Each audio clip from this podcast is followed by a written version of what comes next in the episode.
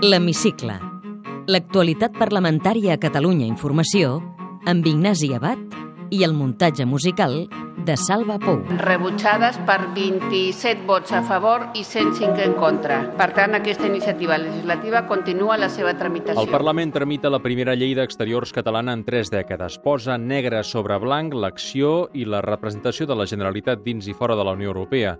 Els objectius els marca el conseller Francesc Coms. La projecció de Catalunya com un actor internacional, la internacionalització econòmica de Catalunya, la recerca del consens polític en les grans orientacions i estratègies de l'acció exterior, la defensa i la promoció de la cultura, la llengua i la identitat pròpies. Només el PP i Ciutadans han presentat esmenes de rebuig. El diputat popular Juan Milian ho veu com un instrument al servei de la causa independentista. No volem una acció exterior contra Espanya, sinó a favor dels catalans i de les seves necessitats. Volem una acció exterior eficaç i eficient, que aprofiti sinergies amb altres administracions públiques més potents. Altres grups com el PSC esperen esmenar el text en comissió. Miquel Iceta vol sinergies en l'acció exterior amb el món local i la diplomàcia espanyola. Una adequada suma entre la utilització de mecanismes propis i dels mecanismes estatals ha de multiplicar els efectes de la nostra acció exterior. Nosaltres no sols no volem trencar, és que tampoc volem desentendre'ns. La diputada de Convergència i Unió, Mireia Canals, alerta contra possibles intromissions. De la llei espanyola de servei exterior. La llei espanyola vol posar murs a la nostra presència internacional, vol que les comunitats autònomes i les entitats que integren l'administració local mantinguin informats al Ministeri d'Afers Exteriors de les propostes de viatges, visites, intercanvis i actuacions de projecció exterior.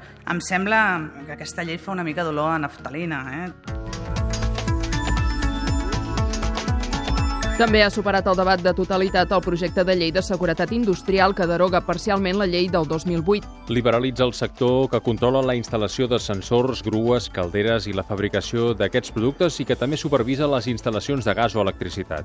Segons el conseller Felip Puig, la norma agilitza permisos i elimina obligacions, com la de certa implantació territorial. Primer objectiu, eliminem el règim d'autorització i passem a un règim molt més àgil, evidentment, de declaració responsable. Segon, la llei elimina la necessitat de disposar d'un desplegament territorial mínim de les oficines d'atenció al públic. Aquest requisit no estava lligat a la prestació del servei d'inspecció ni a la seva qualitat. Per tant, no tenia cap sentit exigir una excessiva pluralitat d'oficines i de domicilis dels organismes de control. Convergència i Unió, Esquerra, el PP i Ciutadans van tomar les esmenes a la totalitat del PSC i Iniciativa. Els populars van retirar a última hora la seva. Hi ha dues lleis més desestimades al ple d'aquesta setmana. La primera d'iniciativa sobre la biodiversitat i el patrimoni natural. La defensava Hortència Grau. La biodiversitat, els ecosistemes que conformen Catalunya són una part importantíssima del nostre patrimoni nacional, com ho és la llengua, la cultura. Sabem que aquesta llei no és la llei que voldria la majoria d'aquesta cambra, però és una primera proposta a partir de la qual treballar, suprimir, esmenar.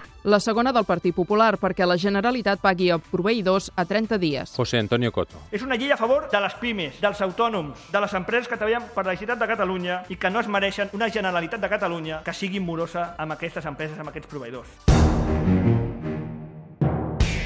Cop d'efecte d'Albert Rivera a la sessió de control al president de la Generalitat. El líder de Ciutadans va treure un suposat informe del govern per crear una agència d'espionatge catalana. Artur Mas ho va negar.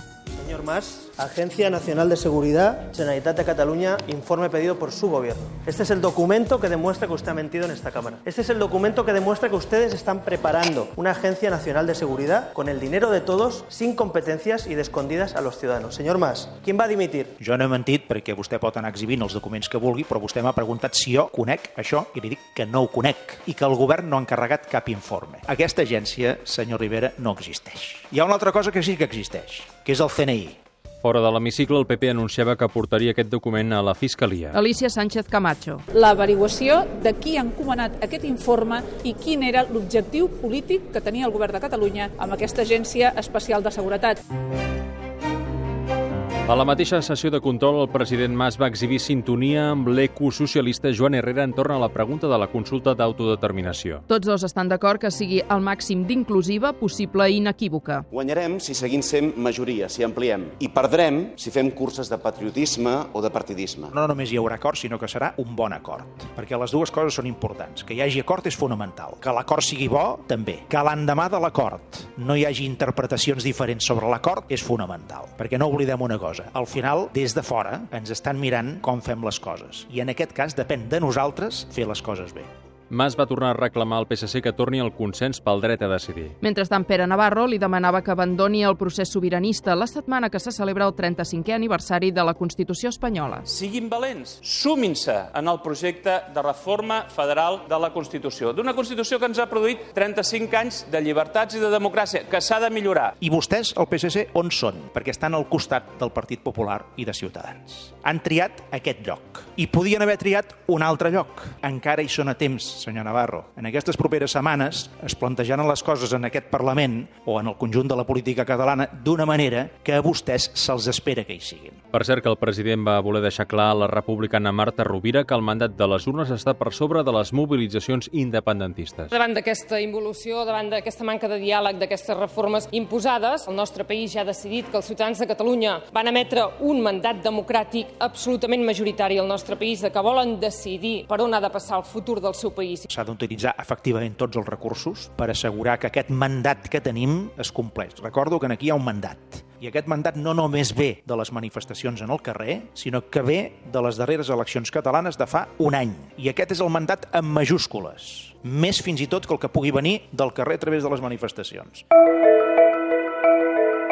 A la sessió de control de dimecres al ple, David Fernández de la CUP recordava les peticions de la plataforma d'afectats per la hipoteca que aquesta setmana ha comparegut a la Comissió d'Investigació sobre les caixes. La PA demanava del Parlament i del Govern la personació com a acusació en tots els procediments judicials contra les males praxis bancàries, el suport jurídic a totes les persones estafades, la moratòria de desnonaments, la rectificació immediata de vendre pisos públics de l'Incasol, a la comissió dilluns, la portaveu de la PA, Ada Colau, va advertir que la venda a fons d'inversió immobiliaris de paquets d'habitatges per part de l'anomenat Banc Dolent, la Sareb pot acabar deixant més gent sense casa. Estem pràcticament parlant d'una propera bombolla, a menys que s'impedeixi. De moment, l'estat espanyol, en lloc d'impedir això, ho està facilitant. I no es pot llegir d'una altra manera la darrera reforma de la llei d'arrendaments urbans, que facilita aquests fons enormement, aquesta compra massiva d'habitatge per llogar-lo, desprotegint absolutament els llogaters, facilitant encarament els desnonaments.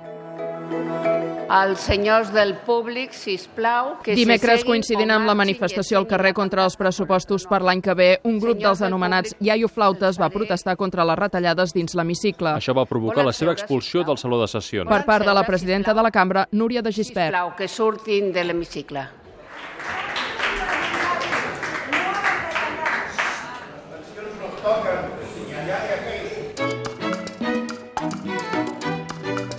Té la paraula Fernando Sánchez Costa, diputat al Parlament de Catalunya pel Partit Popular. En una frase. Senyor Fernando Sánchez Costa, completi la frase. El 2014 serà l'any de... La recuperació econòmica. Com es resol el clam per la independència? Parlant i també mantenint ferms els principis. Aquesta legislatura serà tan curta com l'anterior? Pel que ha donat a entendre el president Mas, sembla que no. Quan acabaran les retallades? Quan comenci a haver recuperació econòmica i ens posem a tots a treballar per revestir el nostre estat de benestar. Contribueix personalment a pal·liar la pobresa? Sí, col·laboro amb la mida que puc amb diverses organitzacions no governamentals, per exemple unes càritas. Com combatria el fracàs escolar? Doncs atenent més individualment als alumnes i també exigint més i permetent que aquells alumnes que no volen estudiar tinguin altres vies per poder seguir el seu camí. Ha estat mai a la cua de l'atur? He estat un mes, però he tingut la sort de poder anar encadenant diversos treballs, gràcies a Déu. Si es queda sense feina, quina és la primera porta que trucaria? Tornaria a trucar a la porta dels meus companys de la Universitat Internacional de Catalunya, on treballava a veure si m'hi volen. Ha cobrat o pagat mai en negre? Jo sempre intento que les coses es facin amb les factures clares. Ara, dir que algú mai ha pagat res eh, negre doncs és molt difícil. Posaria amb el foc que el seu partit ningú ha comès mai cap irregularitat? Jo confio molt en tots els meus companys. Ara, posar la mà al foc no la poso ni del tot per mi. Quins estudis té? Soc llicenciat en Humanitats, en Periodisme i després m'he doctorat en Història. Quantes llengües parla? El català com a llengua materna, el castellà com a llengua paterna, l'anglès i l'alemany. En quins pobles o ciutats ha viscut al llarg de la seva vida? Doncs he viscut gairebé sempre a Barcelona. També he viscut alguna època a Dublín i a Múnich. Creu en el destí? No. I en la sort? Una mica més en la providència, en alguns casos. Creu en l'amor a primera vista? Doncs hi haig de creure, perquè va ser la meva experiència personal. Quina és la pel·lícula de la seva vida? A mi m'agrada molt La vida és bella. Una obra de teatre d'impacte? Art, de Jasmina Retza, la qual, a més de veure com a espectador, he tingut l'oportunitat de representar amb un grup de teatre amateur. Quina novel·la em recomana? L'última trobada o l'último encuentro de Sandor Maray. Una cançó que no es treu del cap. Miri, ara mateix el que tinc al cap són nanes de nen petit, perquè fa poc que he tingut un nen... Quan acaba un ple al Parlament, com desconnecta quan torna cap a casa? Parant la taula i esperant-la i estant amb la meva família. Senyor Fernando Sánchez Costa, moltes gràcies. Gràcies a vostès, molt de gust. Podeu tornar a escoltar aquest programa i recuperar els anteriors a catradio.cat barra hemicicle.